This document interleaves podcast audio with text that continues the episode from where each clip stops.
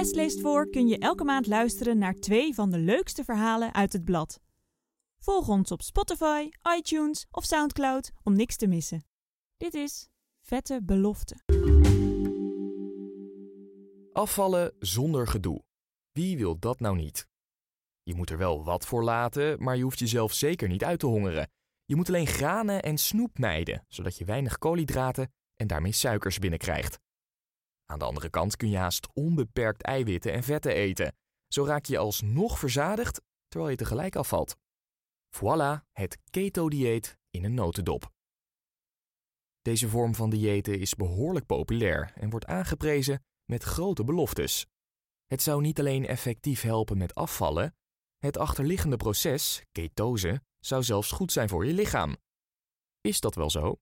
Wat is ketose precies en is het dieet echt effectief? Als je van vet af wilt, moet je daar dan niet wat minder van in je mond stoppen. De basis van veel diëten is vrij recht door zee. Bij overgewicht heb je een overschot aan vetreserves, dus om die reserves weg te werken, moet je vet zoveel mogelijk mijden. Dat lijkt een heel logische gedachte. Toch val je niet gegarandeerd af van een vetarm dieet. Als je met koolhydraten en eiwitten alsnog voldoende calorieën binnenkrijgt, zul je geen reserves verbranden. Zelfs aankomen is niet onmogelijk, want je lichaam kan de andere energiebronnen prima in vet omzetten. Nee, dan het keto- of ketone-dieet. Dat heeft op het eerste gezicht een contra-intuïtieve aanpak. Daar mag je wel gewoon vet blijven eten. Juist koolhydraten zijn de klos. Die kom je bijvoorbeeld tegen in aardappelen, pasta en brood, maar ook in zoete voeding, want suiker is een koolhydraat. Die koolhydraten zou je moeten beperken tot onder de 50 of soms wel 20 gram per dag. Wat het idee daarachter is? Koolhydraten zijn voor je lichaam makkelijk te verwerken en vormen een snelle bron van energie. Dat zou problematisch zijn als je wilt afvallen.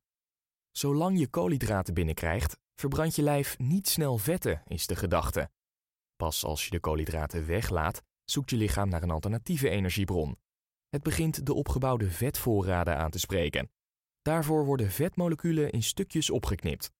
Dat proces heet ketose en daarbij ontstaan onder meer ketonen. Dat zijn moleculen die kunnen functioneren als alternatieve energiebron. Normaal gesproken verbranden je hersenen glucose, ofwel druivensuiker, maar bij een ketogeen dieet stappen ze over op ketonen. De werkzaamheid van het keto-dieet zou deels komen doordat ons lichaam er goed op berekend is. Koolhydraten waren in vroeger tijden waarschijnlijk lang niet altijd beschikbaar. De jagende en verzamelende oermens zat vaak genoeg een paar dagen zonder. Dan sprak het lichaam voedselvoorraden aan die al eerder waren opgebouwd, de vetten. Een dun speklaagje was in de oertijd nog hartstikke voordelig. Maar aangezien we nu altijd wel genoeg voedsel voorhanden hebben, bouwen we de vetvoorraden nog wel op, maar verbranden we ze niet meer. Tenzij je het keto-dieet probeert, zou de voice-over van een keto-reclame zeggen. Dat onze vroege voorouders af en toe ketonen verbranden lijkt plausibel. Maar dat het lichaam berekend is op tekorten aan voedingsstoffen betekent nog niet dat die goed voor ons zijn. Volgens sommige artsen is ketose alleen bedoeld voor noodsituaties en brengt het schade toe aan je lichaam. De vetafbraak zou vooral de lever zwaar belasten. Vergelijk het met echt uithongeren, ook daarvan val je af, doordat het spierweefsel afbreekt. Heel wat oermensen zullen op die manier periodes zonder voedsel overleefd hebben, maar dat betekent nog niet dat het goed was voor hun lichaam. Zetten we het lichaam met een keto-dieet aan het werk of putten we het juist uit? Dat is dus de vraag.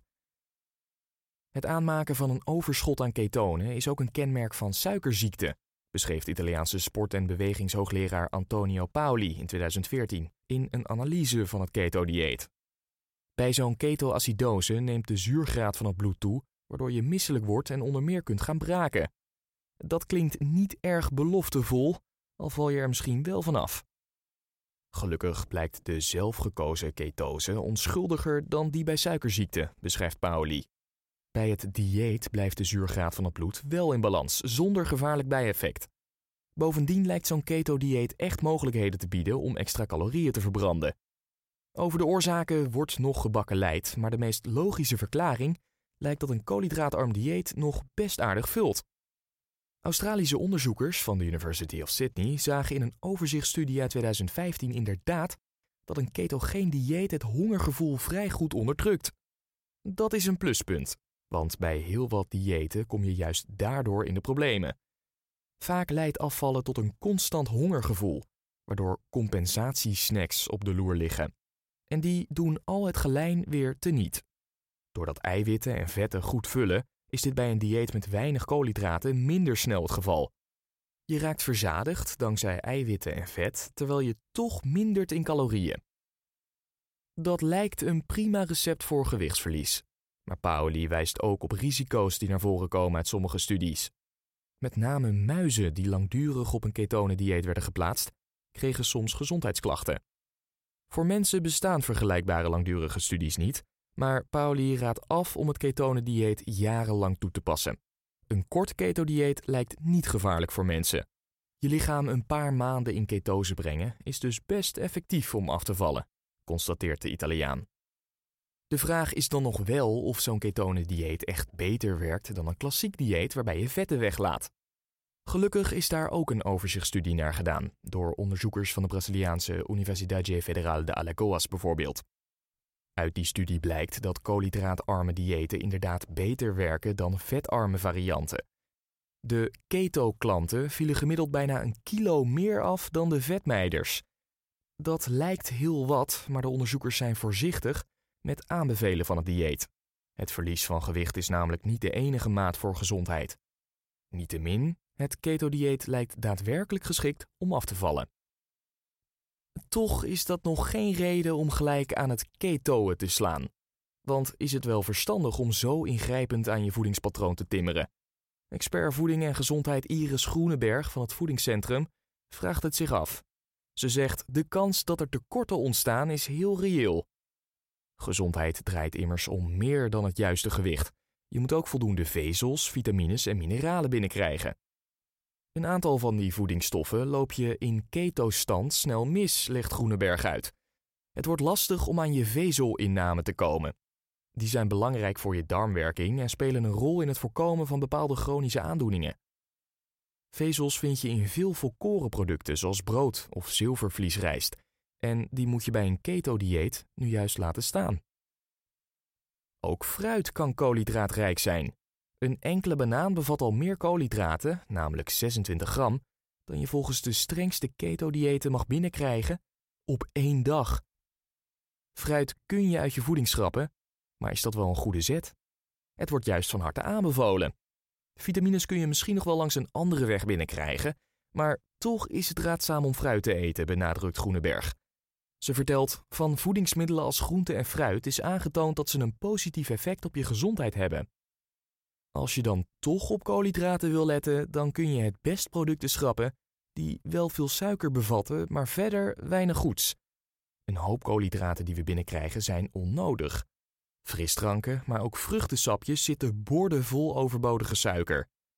Omdat de suikers zo je slokdarm instromen, leveren ze nauwelijks verzadigingsgevoel op. Ook snoepgoed is suikerrijk, maar arm aan essentiële voedingsstoffen. Wil je aan je gezondheid werken, dan moet je dus vooral afstappen van zulk suikerrijk spul, vertelt Groeneberg. Het gaat echt om de kwaliteit van de koolhydraten en veel minder om de hoeveelheid koolhydraten.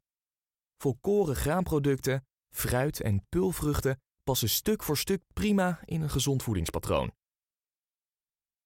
Goede koolhydraten binnenboord houden is om nog een andere reden aanlokkelijk.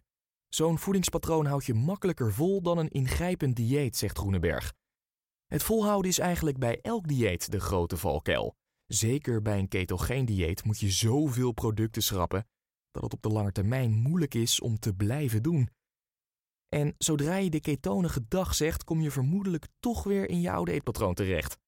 Dan begint je oermensenlijf weer lekker te werken aan een vetvoorraadje. Wegprogressie. Tja, dat keto-dieet is dus toch niet zo ideaal. Behalve voor oermensen misschien.